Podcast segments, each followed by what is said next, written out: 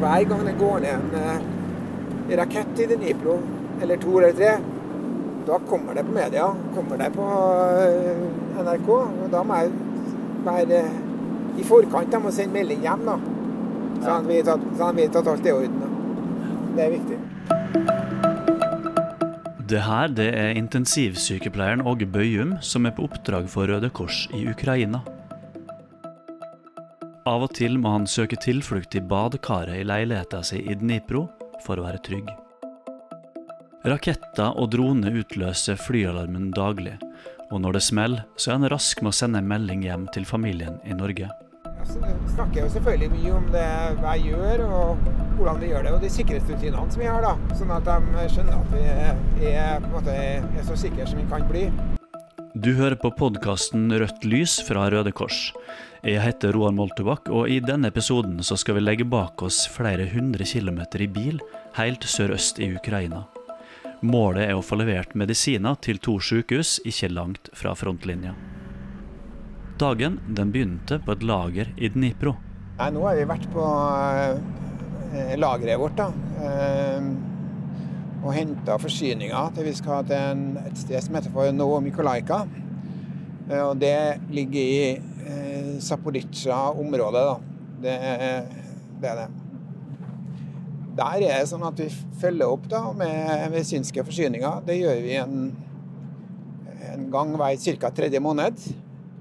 Og da er det eh, alt av eh, medisiner og medisinsk forbruksartikler som, som en del er med og støtter med.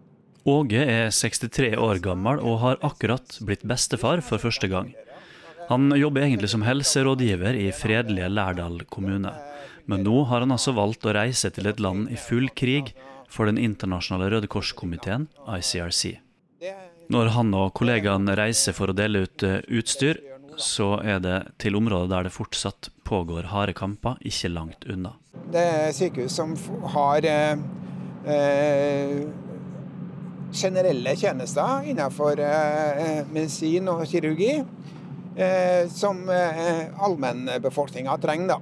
Det, er et, eh, det er også sånn at de sykehusene her er i beredskap i forhold til å ta imot krigsskader fra fronten.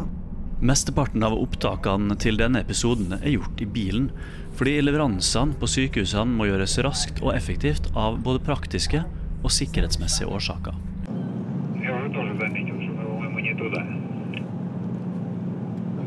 Du hører nå mens vi snakker, så er det radiokontakt. Ja. Vi to sitter i baksetet på, på, en hvit Land godt merka med, ja. med, ja, med, det røde korset. Og så Hvem er de som sitter foran her, og hva oppgave har de? På høyresiden så har vi uh, eh, Oleksi. Han er jo teamlederen her i dag, da. Han har kontakt med radiorom, også i Kyiv, faktisk, som klarerer at vi reiser ut hit. Og på venstresida så sitter jo sjåføren, som eh, skal kjøre hele dag.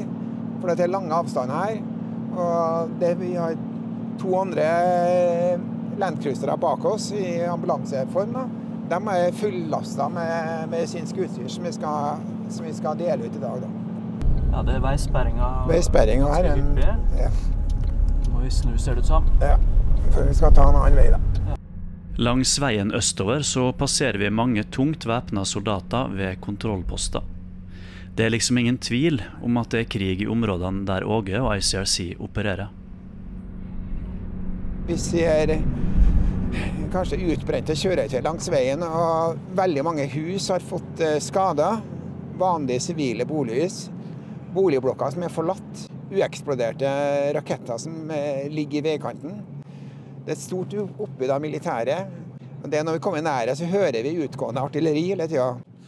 Og det er jo greit for oss som skal være der i en par timer, men befolkninga som er der, og det er fortsatt noen igjen, også sivile, også barn, de lever med det der 24-7 hele tida. At eh, det er artilleri som foregår i nærmiljøet. Og at eh, av og til er det nedslag også i nærheten av der de bor. Sånn. så det er, et, eh, det er en hardt prøva befolkning i grenseområdene, det er ingen tvil om. Etter tre timer på veien har vi ankommet sykehuset i Novomykolaika, ei gul steinbygning i det som egentlig er ganske idylliske omgivelser.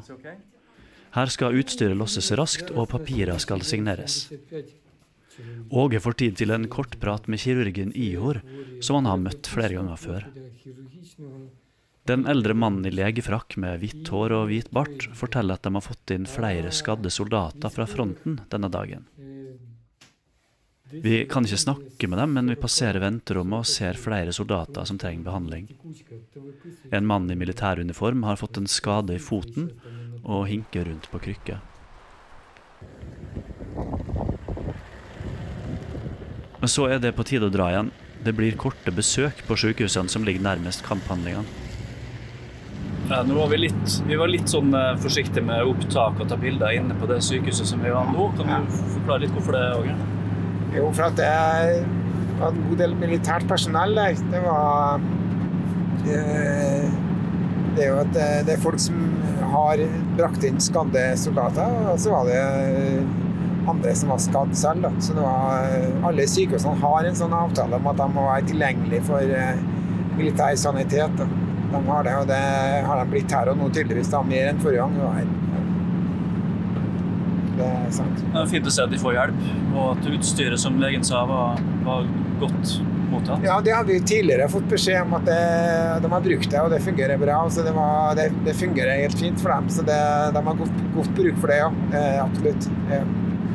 Eh, selv om det her er et område som er normalt vært litt, litt roligere, så er det jo tydelig at de også nå er involvert i behandling av, eh, av, av skadde.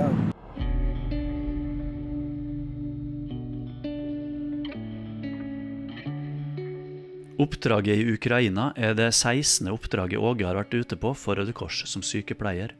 Mye har dreid seg om katastrofeområder og krig. Ja, det er, for jeg ser, har vært eh, Jo da, jeg var jo det på, i, i Syria, som er i Al-Hol-leiren som oversykepleier. da. Det var jo en, eh, på feltsykehuset der. Og Bangladesh har jeg vært. Pakistan, Indonesia og Nepal. Også Iran. da. Og i Afrika så har jeg vært i Sierra Leone og, og um, Sør-Sudan. Og også Rwanda. Alle oppdrag er forskjellige, og det eneste vi vet, at, kommer til, at det ikke kommer til å bli sånn som vi tror. Ja. ja.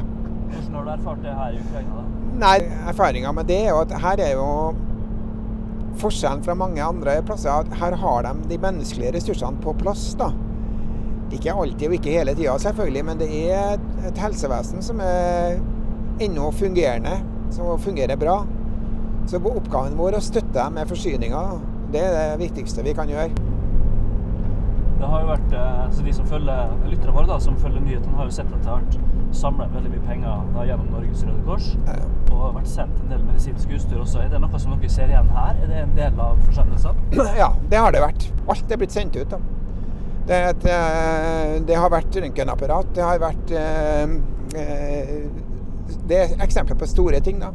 Men Norge har jo hatt et godt lager av medisinsk forbruksutstyr fordi at vi har en feltsykehuskompetanse. Og det utstyret har blitt sendt ut hit og vært i bruk, da. Det er alt fra madrasser til sykehussenger til medisinske forsyninger som bandasjer, kompresser og medikamenter. Altså. Så har vi kommet til eh, dagens andre mål, nemlig sykehuset i landsbyen Pokrovske. Her er det sykehusdirektøren som tar imot leveransene. Direktøren forteller at det er stort behov for medisiner og utstyr, også for lidelser som ikke handler om direkte krigsskader. Høyt blodtrykk og diabetes er like vanlig her som andre plasser. Utafor går det unna med lossing av kasser. Det må gå fort, for vi må snart starte på returen til Åges midlertidige hjemby, tilbake til basen i Dnipro. Her er det intravenøse væsker, altså vil si saltvann og, glukose og sånt, for å holde opp blodtrykket sånn. I Ukraina så støtter Norges Røde Kors bl.a. mobile helseklinikker som oppsøker plasser der det er folk som har behov for helsehjelp. I mange landsbyer så bor det eldre som ikke kan eller ønsker å forlate området sitt, eller som har flykta litt og har vendt tilbake. Det er vanskelig for folk som har kanskje blitt, eh, måttet flykte en liten stund, eller kanskje har de ikke flykta i hele tatt, men helsevesenet har flykta. Vil si at eh, helsetilbudet som var i den bygda de bodde i, ikke er her lenger. så har de ikke fått tilgang til kanskje hvis de bruker diabetesmedisin eller blodtrykksmedisin, så har de kanskje mista den tilgangen. Det er helt reelt for mange samfunn i grensestrøkene eh, nå, langs kontaktlinja og litt bakafor, at det er et problem å få sikre nok medisinske forsyninger for dem som har bruk for det. Etter at krigen i Ukraina eskalerte våren 2022, så lagde helsemyndighetene et intrikat system for å håndtere alt av pasienter. Målet er å alltid ha ledige sengeplasser på sykehusene der det kommer skadde inn. De sykehusene som er langs kontaktlinja, de bruker å ha maksimum så har de en, eh, ofte en fem, fem dager hvor pasientene får eh, ligge på hvert sykehus. og Så blir de da eh, flytta til neste nivå vestover. Alle pasientene blir flyttet vestover etter en stabiliseringsperiode. Og Det gjelder også medisinske pasienter, ikke bare skader, men altså andre. Fordi at de må ha hele tida gjøre klar plass i sykehusene som er langs frontlinja. For å ha plass til de som eventuelt kommer med Ja, alvorligere ja, skader og ja, krigsskader. da. Ja. Mm. Eller eh, ikke nødvendigvis bare krigsskader, det er mange medisinske ting òg. Fordi at folk har jo internflyktninger. De har kanskje flytta ifra, ifra eh, medisinene sine og ikke får tilgang til blodtrykksmedisin f.eks. Så kommer de inn med høyt blodtrykk, og de må regulere det. da. Ja. Og eh, det er jo en Man vet jo fra forskning at det er i områder med katastrofesammenheng, som jo det her kan sammenlignes med, så er jo absolutt det. Så er det mer stress. Det er mer stressutløste sykdommer, som, eh, som f.eks. hjertelidelser, angina og hjerteinfarkt, kan det være mer av i sånne områder. Ja. Fordi, at det, fordi at det er store psykiske og fysiske belastninger på folk, rett og slett. Og det er også, ikke minst den psykososiale biten er veldig viktig. Der er også veldig mye psykososiale lidelser. Og den delen av helseteamet vårt som jobber med, med det, da, de jobber, med, jobber mer klinisk. De jobber med pasienter også. Ja.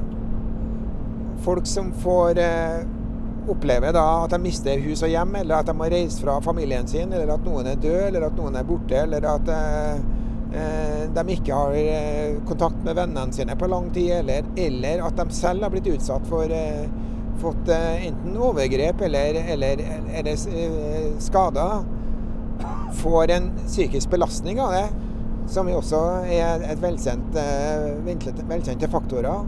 Det skjer her òg.